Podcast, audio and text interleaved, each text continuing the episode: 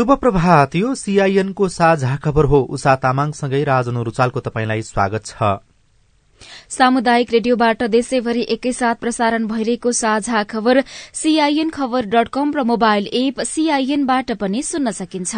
आज दुई हजार उनासी साल माघ उन्नाइस गते बिहिबार फेब्रुअरी दुई तारीक सन् दुई हजार तेइस नेपाल सम्मत एघार सय त्रिचालिस माघ शुक्ल पक्षको द्वादशी तिथि आज विश्व सिमसार दिवस। साझा खबरमा प्रमुख खबरका शीर्षकहरू। संसदमा संविधानको मर्म विपरीत सांसदहरूको बीचमा बहस सभामुखको भूमिका कमजोर गृह मन्त्रालयको विवादमा मध्यमार्ग खोज्दै एमाले। सुखायाम लम्बिदा विद्युत आपूर्तिमा असन्तुलन कालो सूचीमा पर्ने ऋणी तीन गुणाले बढ़े पेन्सनका कारण राज्यलाई आर्थिक व्यवहार बढ़दै।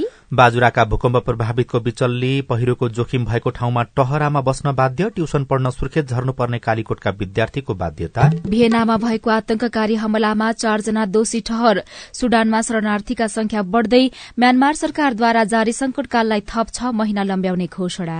र एसियाली फुटबल महासंघमा नेपालको प्रतिनिधित्व निश्चित। न्यूजील्याण्ड विरूद्धको टी ट्वेन्टी अन्तर्राष्ट्रिय श्रृंखला भारतलाई।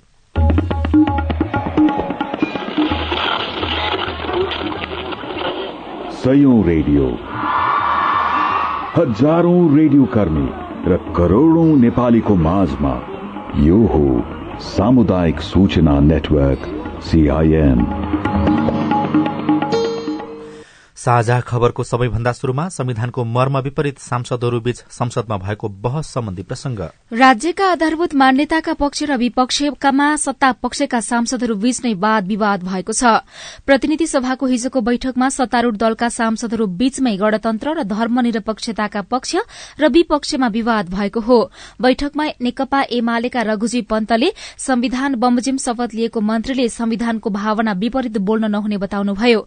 प्रधानमन्त्रीले संघीय संहिता विरूद्ध बोल्ने मन्त्रीलाई स्पष्टीकरण सोध्छु भनेको भोलिपल्ट मन्त्रीहरूले संहिता रहनु हुँदैन भनेर बोलेको भन्दै सांसद पन्तले त्यस्तो भन्ने मन्त्रीलाई प्रधानमन्त्रीले अहिलेसम्म स्पष्टीकरण नसोधेको बताउनुभयो। यो संविधानको आधारभूत मान्यता विरूद्ध नजान सरकारका मन्त्रीज्यूहरूको ध्यान आकर्षण गराउन चाहन्छु।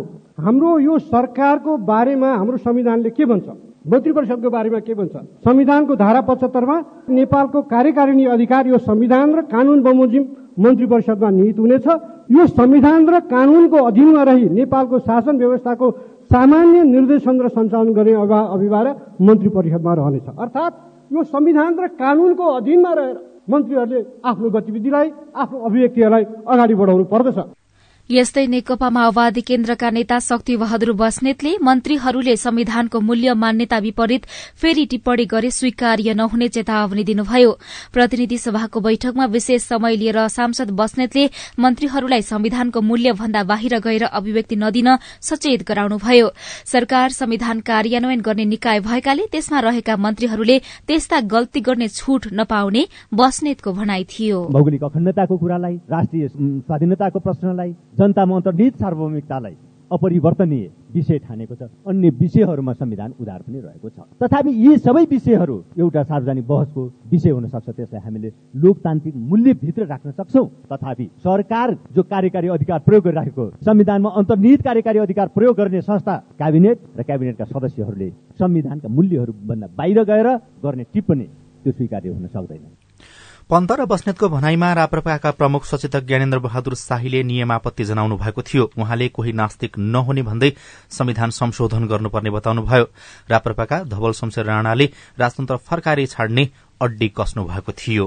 नेपालमा फेरि सनातन धर्म हिन्दू राष्ट्र कायम गर्नको लागि आएको छौँ। र त्यो कुरा संविधानले रोक्दैन सभामुख महोदय। यही व्यवस्था र यही संविधानभित्र बसेर यो संविधानलाई हामीले बोकेको मूल्य र मान्यता भित्र परिवर्तन गर्न राष्ट्र प्रजातन्त्र पार्टीलाई जनताले भोट दिएर हामी आएको छौँ र हामीलाई हेप्ने काम र हामीलाई होच्याउने काम यो सदनबाट आइन्दा फेरि नहोस्। राणाको भनाईप्रति जनता समाजवादी पार्टी जसपाका सांसद राजकिशोर यादवले आपत्ति जनाउनु भएको थियो।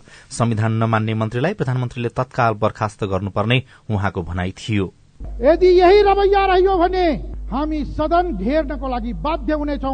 होइन भने यस्ता अनुशासनहीन यस्ता संविधान नमान्ने मन्त्रीलाई बर्खास्त गर्नुपर्छ। होइन भने यो संहिता यो संविधानको मूल मर्म हो आत्मा हो। संहिता कसैको कृपाले यो गणतन्त्र कसैको आशीर्वादले र यो देशको समानुपातिक समावेशी लाखौँ लाख नेपाली जनताको बलिदानीबाट सङ्घर्षबाट आन्दोलनबाट स्थापित भएको विषय हो। यदि संघीयता र गणतन्त्रको विरुद्धमा बोल्यो भने जनता समाजवादी पार्टी चुप लागेर बस्न सक्दैन। यसैबीच प्रमुख विपक्षी दल नेपाली कांग्रेसले अहिलेसम्म सरकारबाट संविधानको रक्षा नहुने आरोप लगाएको छ। प्रतिनिधि सभाको हिजोको बैठकमा सत्तारूढ़ दलकै सांसदहरूबीच भएको वाद विवादपछि नेपाली कांग्रेसका प्रमुख सचेतक रमेश लेखकले संविधानका आधारभूत मान्यतामै मतान्तर भएको सरकारले संविधानको रक्षा गर्न नसक्ने बताउनु भएको हो। सभामुख र उपसभामुख चयन भइसकेपछि हिजो बसेको प्रतिनिधि सभाको नियमित बैठकमा मुख्य दलका शीर्ष नेता भने उपस्थित भएका थिएनन्। प्रतिनिधि सभामा कायम रहेका दुई सय त्रिहत्तर सांसद मध्ये हिजोको बैठकमा दुई सय सातजना मात्रै उपस्थित भएका थिए। शीर्ष तहका नेताहरू बस्ने संसदको अघिल्लो लहरको कुर्सीमा बुधबार नागरिक उन्मुक्ति पार्टीका अध्यक्ष रञ्जिता श्रेष्ठ नेपाली कंग्रेसका नेता रामचन्द्र पौडेल एमालेका उपमहासचिव पृथ्वी सुब्बा गुरूङ जनमतका अध्यक्ष सीके राउत रासोपाका उपनेता विराज भक्त श्रेष्ठ र प्रमुख सचेतक सन्तोष परियार मात्रै हुनुहुन्थ्यो। मन्त्री बस्ने कुर्सी पनि प्रायजसो खाली नै देखिन्थ्यो। संसद बैठकको नियमित प्रक्रिया शुरू भएकै दिन नेताहरू अनुपस्थित हुनु संसदप्रतिको उपेक्षा भएको संसद सचिवालयका कर्मचारीहरूले बताएका छन्। राष्ट्रिय जनमोर्चाका सांसद चित्रबहादुर केसीले नेताहरूलाई सत्ताको मात्रै चिन्ता भएकाले संसद बैठकमा आउन फुर्सद नभएको प्रतिक्रिया दिनुभएको छ। सुक्खायाम लम्बिएसँगै यस वर्ष विद्युत उत्पादन आयात र आपूर्तिमा असन्तुलन पैदा भएको छ। क्षमता अनुसार विद्युत उत्पादन हुन नसक्दा औद्योगिक क्षेत्रमा विद्युत कटौती शुरू भएको छ। भारतबाट पर्याप्त विद्युत नआउँदा तथा स्वदेशी उत्पादनमा गत वर्षको तुलनामा करिब दुई सय मेगावाटले कमी आएपछि उद्योगहरूमा बिजुली कटौती शुरू भएको हो। विद्युत उत्पादन र वितरणमा भारी अन्तरका कारण वीरगंज र भैरहवामा रहेको औद्योगिक क्षेत्रमा बिजुली कटौती भएको छ। नेपाल विद्युत प्राधिकरणका अनुसार हाल सामान्य अवस्थामा करिब आठ सय मेगावाट मात्रै बिजुली उत्पादन भइरहेको छ। माग भने बाह्र सय मेगावाटसम्म हुन्छ। पीक आवरमा विद्युतको माग बढ़ेर करिब सत्र सय मेगावाटसम्म पुग्ने गरेको छ। यस वर्ष हिउँदमा छिटपुट वर्षा नहुँदा बिजुली उत्पादन घटेर करिब आठ सय मेगावाटमा झरेको छ। गत हिउँदको तुलनामा यो दुई सय मेगावाटले कमी हो। नेपाल विद्युत प्राधिकरणका कार्यकारी निर्देशक कुलमान घिसिङले आयोजनाहरू पूर्ण क्षमतामा चलाउँदा पनि बाह्र सय मेगावट विद्युत उत्पादन हुने र यो चौविसै घण्टा उत्पादन हुने परिमाण नभएकाले भारतबाट चार सय मेगावट बिजुली ल्याएको जानकारी दिनुभयो। कोविडका कारण शिथिल उद्योग व्यवसाय तंग्रिन नपाउँदै बैंक तथा वित्तीय संस्थाको ब्याज पनि महँगिएपछि व्यवसायीहरू ऋणको पासोमा पर्न थालेका छन्। पछिल्लो साढे छ महिनामा ऋण तिर्न नसकेर कालो सूचीमा पर्ने व्यवसायीको संख्या तीन गुणाले बढ़ेको छ। यो कर्जा सूचना केन्द्रको तथ्याङ्क हो। केन्द्रका अनुसार चालू आर्थिक वर्षको पन्ध्र माघसम्म तेह्र हजार दुई सय छब्बीस ऋणी कालो सूचीमा परेका छन्। यो संख्या गत आर्थिक वर्षको सोही अवधिको तुलनामा तीन गुणाले बढ़ी हो। यति मात्र होइन चालू आर्थिक वर्षको साढे छ महिनामा कालो सूचीमा पर्नेको संख्या अघिल्लो सिंगो आर्थिक वर्षको भन्दा पनि धेरै छ। दुई हजार अठहत्तर उनासीको वर्षभरि तेह्र हजार दुई सय सोह्रजना ऋणी ऋण तिर्न नसकेर कालो सूचीमा परेका थिए। यो डरलाग्दो तथ्य सार्वजनिक हुँदै गर्दा बदनामीको त्रासले एकपछि अर्को व्यवसायी आत्मदाह गर्नेसम्मको निर्णयमा पुगेको घटना पनि बढ़न थालेका छन्। दुई हजार बहत्तर त्रिहत्तरदेखि पचहत्तर छयत्तरसम्म चार वर्षमा तीन हजार नौ सय दसजना मात्रै कालो सूचीमा परेका थिए। कालो सूचीमा पर्ने ऋणीको संख्या यस वर्ष तीन गुणाले बढ़ेको छ। कोविड महामारीसँगै सुस्ताएको विदेशी पर्यटक आगमन सन् दुई हजार तेइसमा पुरानै लयमा फर्किने संकेत देखिएको छ। वर्षको पहिलो महिना जनवरीमा पचपन्न हजार चौहत्तर पर्यटक विमानबाट नेपाल भ्रमणमा आएका छन्। महामारी शुरू हुनु अघि जनवरी दुई हजार उन्नाइसमा हवाई र सड़क मार्गबाट एकासी हजार दुई सय त्रिहत्तर पर्यटक नेपाल भ्रमणमा आएका थिए।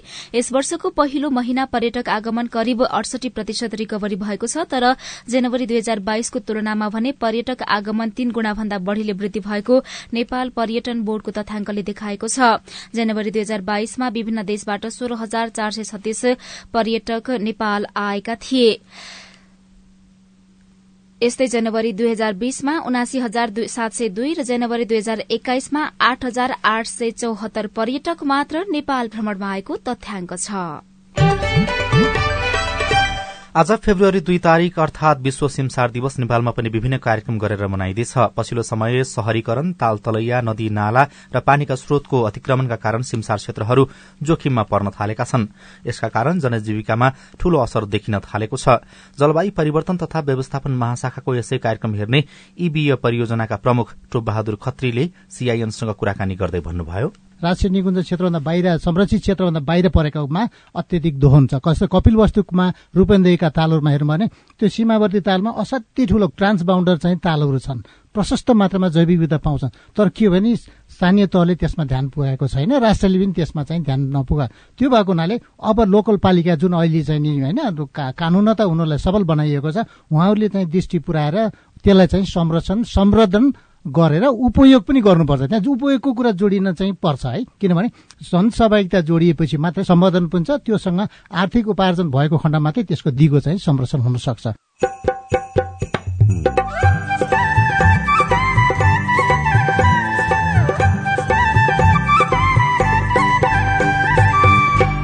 सामुदायिक सूचना नेटवर्क सीआईएन मार्फत देशभरि प्रसारण भइरहेको साझा खबरमा विकास बजेट खर्च नहुने समस्या उस्तै। वार्षिक बजेटको विनियोजनको आधारमा पुँजीगत खर्च करिब पन्ध्र पर्सेन्ट भयो। पौषसम्मको विनियोजनको आधारमा चाहिँ पुँजीगत खर्च जम्मा तीस पर्सेन्ट भयो कि। बाजुराका भूकम्प प्रभावितको बिचल्ली पहिरोको जोखिम भएको ठाउँमा टहरामा बस्ने बाध्य ट्युसन पढ्न सुर्खेत झर्नुपर्ने कालीकोटका एसई दिने विद्यार्थीको बाध्यता लगायतका खबर बाँकी नै छन्। सीआईएनको साझा खबर सुन्दै गर्नुहोला। जलवायु परिवर्तनले मानव जीवन र प्राकृतिक प्रणालीमा विश्वव्यापी प्रभाव पारेको छ। आगामी दिनमा यो क्रम अझै बढ्दै जाने अनुमान गरिएको छ। तिम्रो किताबमा पनि जलवायु सम्बन्धी पाठ रहेछ नि होइन छ नि। आज म पारिस्थितिकीय प्रणालीमा आधारित अनुकूलन अर्थात इबिए भन्ने पाठ पढ्दैछु। के रहेछ यो इबिए भनेको? जोखिममा परेका समुदायलाई प्राकृतिक स्रोत र साधनको उपयोग गरी जलवायु परिवर्तनको जोखिम न्यूनीकरण र सामना गरी जिउने र विकसित हुन सहयोग पुर्याउने कामलाई इबिए भनिन्छ। जलवायु परिवर्तनको प्रतिकूल प्रभावको सामना गर्न समुदायहरूलाई सहयोग पुर्याउने यो एउटा नयाँ अवधारणा हो। ए अनि खेती किसानी गर्ने हामीलाई पनि यसले फाइदा गर्छ? गर्छ नि। सुक्खा ठाउँहरूमा कम चिस्यानमा हुर्कन सक्ने बाली नाली लगाउने अनि पहिरो जान सक्ने क्षेत्रमा पहिरो रोकथाम गर्न सक्ने र उपयोगी बिरुवा लगाउने। समुदायलाई फाइदा हुने गरी वन चरण पानीको मुहान जस्ता स्रोतको दिगो व्यवस्थापन गर्ने कामहरू इबी अन्तर्गत पर्छन् क्या। उसो भए त यो गजबको कुरा रहेछ त। हो त नि धेरै गजबको कुरा हो। इबिए को योजना तयारी र कार्यान्वयन गर्दा स्थानीय जनताको सहभागिता आदिवासी जनजाति संरक्षण कर्मी प्राकृतिक स्रोत व्यवस्थापन अभियन्ता र निजी क्षेत्रका सरोकारवालाहरू बीच पनि समन्वय चाहिन्छ। जलवायु परिवर्तनले निम्ताएका चुनौतीको सामना गर्न जमिन जल र प्राकृतिक स्रोत व्यवस्थापनका सर्वोत्तम उपलब्धिहरूको कार्यान्वयन गरौं। पारिस्थितिकीय प्रणालीमा आधारित अनुकूलन आयोजना जलवायु परिवर्तन तथा व्यवस्थापन महाशाखा वन तथा वातावरण मन्त्रालय र सिआइएन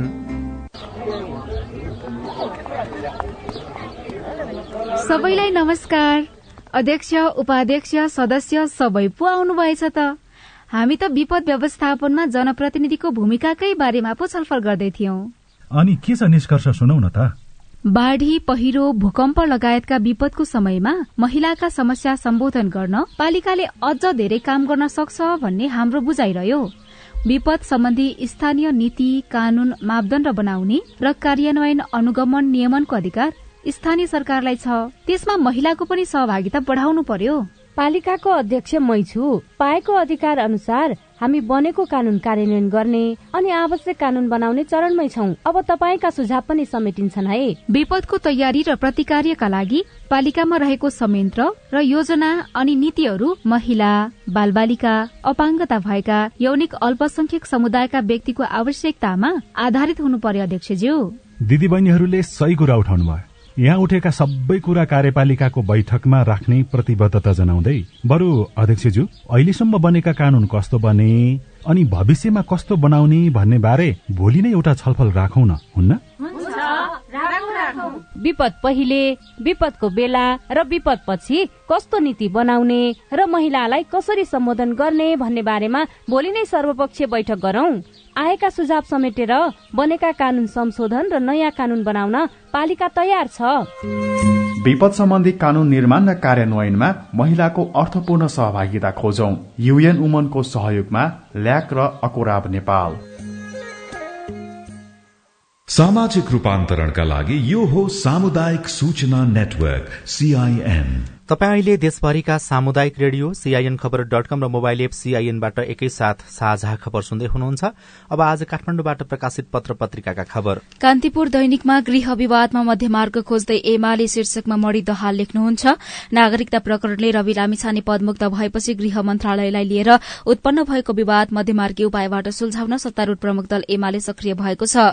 गृहको विवादले सत्ता गठबन्धनै टुट्ने जोखिम बढ़ेपछि समाधान खोज्न एमाले अध्यक्ष केपी शर्मा ओली आफै सबैले पनि पहल गरिरहनु भएको छ। सर्वोच्च अदालतले नागरिकताको प्रमाणपत्र अमान्य ठहर गरेर सांसद पद गुमाए लगतै पुरानो नागरिकता बिउताएका राष्ट्रिय स्वतन्त्र पार्टीका सभापति लामिछाने पुनः गृह मन्त्रालय फर्कन खोजिरहनु भएको छ।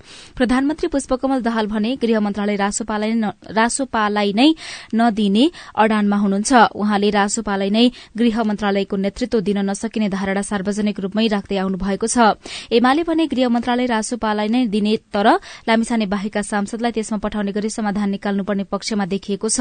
गैर सांसद र राहदानी दुरूपयोग सम्बन्धी आरोप लागेका लामिछानेलाई गृहमै फर्काउन जोड़ दिँदा पार्टीमा अबगाल आइपर्ने चिन्ता एमालेमा छ। एमाले अध्यक्ष ओलीले बुधबार प्रधानमन्त्री दाहाललाई बालुवाटारमा भेटेर सरकार निर्माणका बेला रासोपालाई गृह मन्त्रालय दिने समझदारी भएको स्मरण गराउँदै त्यसैलाई निरन्तरता दिनुपर्ने बताउनु भएको थियो। यही विषयका कारण गठबन्धन भत्किन नहुने धारणा पनि उहाँले राख्नु भएको थियो। कान्तिपुर दैनिकको पहिलो पृष्ठमा ठेकेदार पाण्डेको म्याद गर्दै मन्त्री पाण्डे शीर्षकमा विमल खतिवड़ाले लेख्नु भएको खबर छापिएको छ। स्वार्थ बाजिने गरी शहरी विकास मन्त्री बनेका विक्रम पाण्डेको कम्पनी कालिका कन्स्ट्रक्सनले समयमै काम नसकेपछि म्याद थपिदिने प्रक्रिया अघि बढ़ेको छ।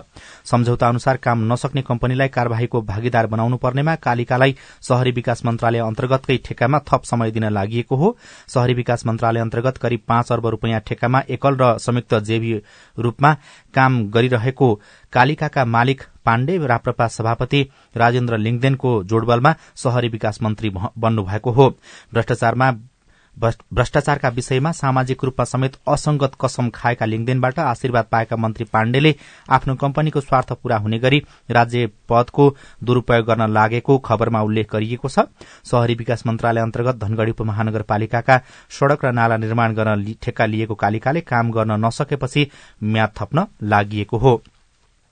त्यस्तै कान्तिपुर दैनिकमै सातु सामल बोकेर ट्युसन शीर्षकमा तुलाराम पाण्डेले कालीकोटबाट लेख्नु भएको खबर पनि पहिलो पृष्ठमै छापिएको छ।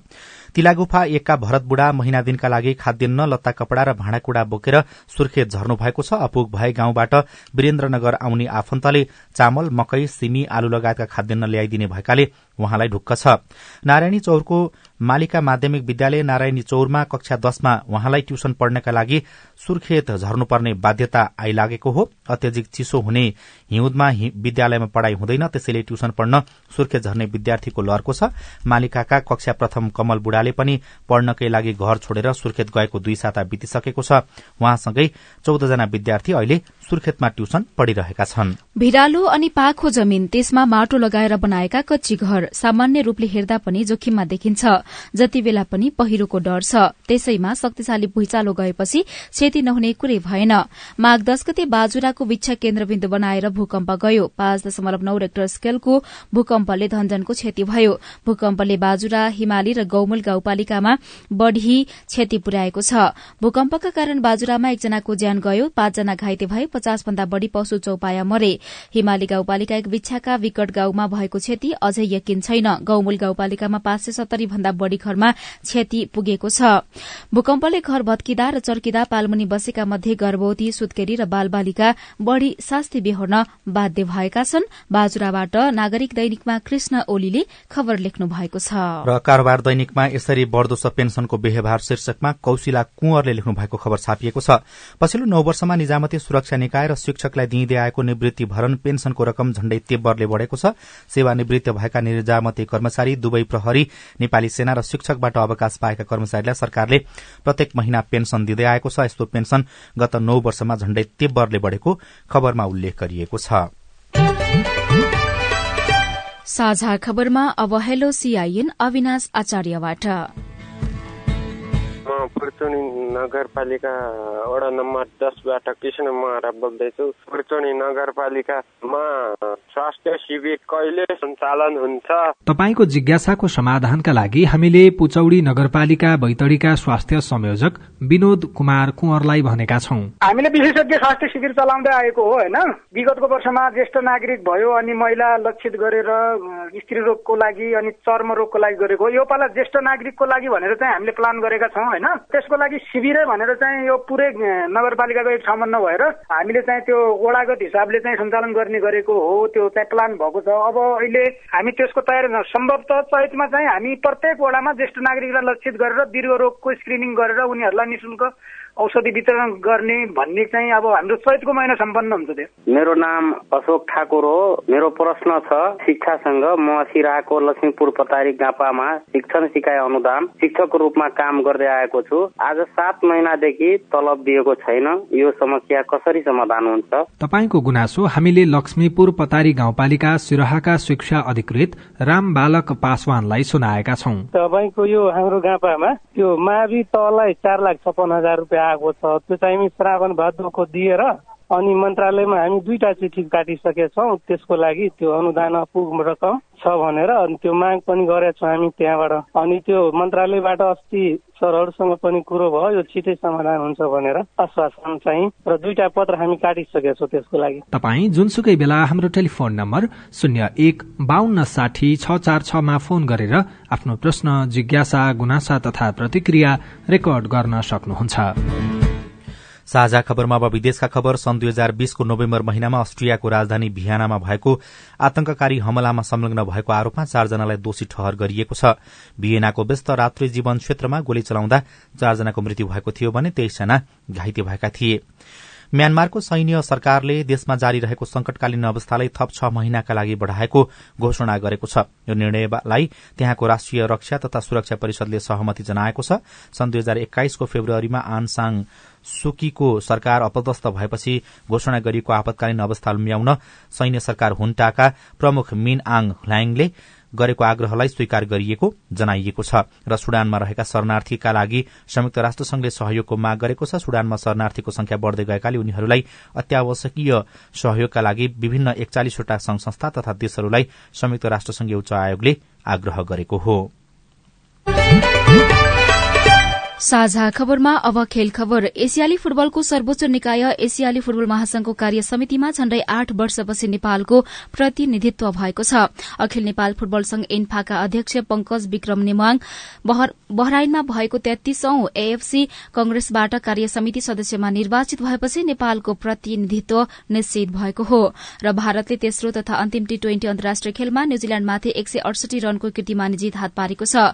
यो सँगै तीन टी ट्वेन्टी आई खेलको सिरिज भारतले दुई एकले जितेको छ जितका लागि दुई सय पैंतिस रनको विशाल विजयी लक्ष्य पछ्याएको न्यूजील्याण्ड बाह्र दशमलव एक ओभरमा मात्रै छैसठी रनमा अल आउट भएको थियो। किन बढ़ाउन सकिँदैन विकास खर्च रेडियो रिपोर्ट अरू खबर र कार्टुन पनि बाँकी नै छ। सीआईएनको साझा खबर सुन्दै गर्नुहोला। बाल विवाह विरूद्ध धर्मगुरूहरूको प्रतिबद्धता। वैदिक साहित्यमा बाल विवाह छैन। बाल विवाह हाम्रो मण्डली अन्तर्गत भएको छैन। हाम्रोमा बाल विवाह हुँदैन। यो मुद्दुमले भनेको कुरा हो र हाम्रो व्यवहारमा त्यस्तो नै छ।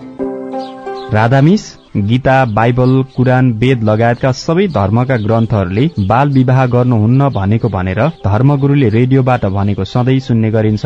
तर किन बाल विवाह अन्त्य नभएको होला? हाम्रो नगरलाई बाल विवाह मुक्त गराउन अब के गर्ने होला? त्यो त हो नगर प्रमुख ज्यू भनेर मात्रै पुग्दैन। सबै धर्मका धर्मगुरूहरूले म बाल विवाह गराउने काममा संलग्न हुन्न भनेर प्रतिबद्धता जनाउने र अरूलाई पनि त्यस्तै सिकाउने कार्य गर्न सके मात्रै त्यो कार्य प्रभावकारी हुन्छ। अनि बाल विवाह विरूद्ध काम गर्ने संघ संस्थाहरू र तपाईँहरू जस्ता स्थानीय सरकारले पनि धर्मगुरू र धार्मिक अगुवाहरूलाई यो अभियानमा सँगसँगै सहभागी गराएर अघि बढ़ाउन सके। बाल विवाह लगायतका हानिकारक परम्परागत अभ्यास अन्त्य गर्न सकिन्छ।